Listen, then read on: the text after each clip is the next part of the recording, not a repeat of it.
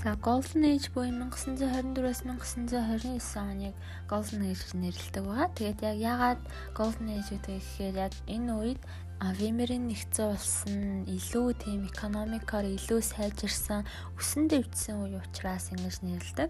За Golden Age нь болохоор улс төрд яаж нөлөөлсөн бэ гэхээр 1924-өөс 28 онд арай тийм бага сонгуул явагдсан. Тэгээд яагаад бага сонгуул явагдсан бэ гэхээр яг нөгөө хүмүүс Эдвертийн засгийн газарт сэтгэл хангалуун байсан. Тэгээ тийм учраас ч гэсэн Эдвертийн засгийн газрын ямар нэгэн бослог арай бага гаргасан учраас ер нь амжилттай явсан гэж хэлж болно. Аа тэгээд бас хүмүүс тийм экстрим париг тэгэж ерөөсөө арай ер нь дэмжихээ болсон. Одоо жишээ Наси болон коммунист ягаад гэвэл Эбертийн засгийн газар сайн явж байгаа болохоор бид нэр тэгэж тийм юу юу мэддэхгүй Наси болон коммунист гэдэг хоёр тийм экстрем парыг юу н дэмжих тийм риск үүсхийг хүсээгүй учраас Эбертийн цангаас ер нь сэтгэл хангалуун байсан. А гэхдээ нөгөө талаасаа болохоор Хинденбург нь президент нь 1925 онд президент болоод тэгээ Кейсерийн бодлогыг буцаад авчирч ирсэн.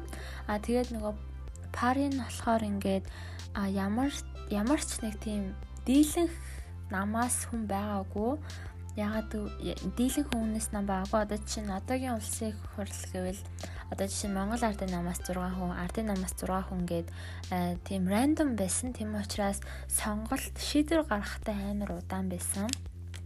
За эдийн засагт яаж нөлөөлсөн бэ гэхээр Golden Age нь болохоор ер нь стресс маань ингээд days planner эдийн засгаа маш сайн сайжруулсан байгаа.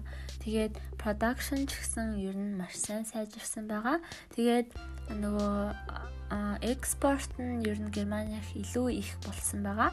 А гэхдээ нөгөө талаасаа болохоор нөгөө days plan нь болохоор яг түрүүн хэлсэн шиг а Америк нэгдсэн улсаас үр аваад тэгээд тэрийг болохоор чирээ resale ингээд төлж байгаа болохоор ер нь нэг үр аваад тэгэл тэр өрөө авчаал тэгэл нөгөө өрөө дараадаа болгоо нэг тэгж амар чандрын ялгаа ер нь бол нэг тэгж байхгүй байгаа. Тэгээ бас эдийн засгийн сайжирсан ч гэсэн unemployment нь маш их хэмжээгээр байсан. Тэгээд Баян болон ядуу гэдэг хоёр хүн маш их хол зөрүүтэй байсан. Ядуу нь бүр ядуу, тэгээ баян нь болохоор бүр амар баян байсан. Тэгээд agriculture болон farming ер нь амар муу байсан. Тэгээд яг тухайн болохоор бизнесменчүүд ер нь маш сайн тэгэж мөнгө олж исэн.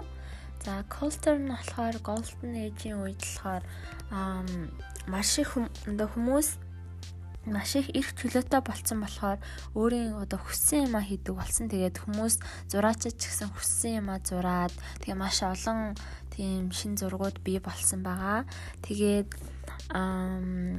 яг тухайн үед болохоор ингээд хүмүүс юу хүснээ л хийдэг.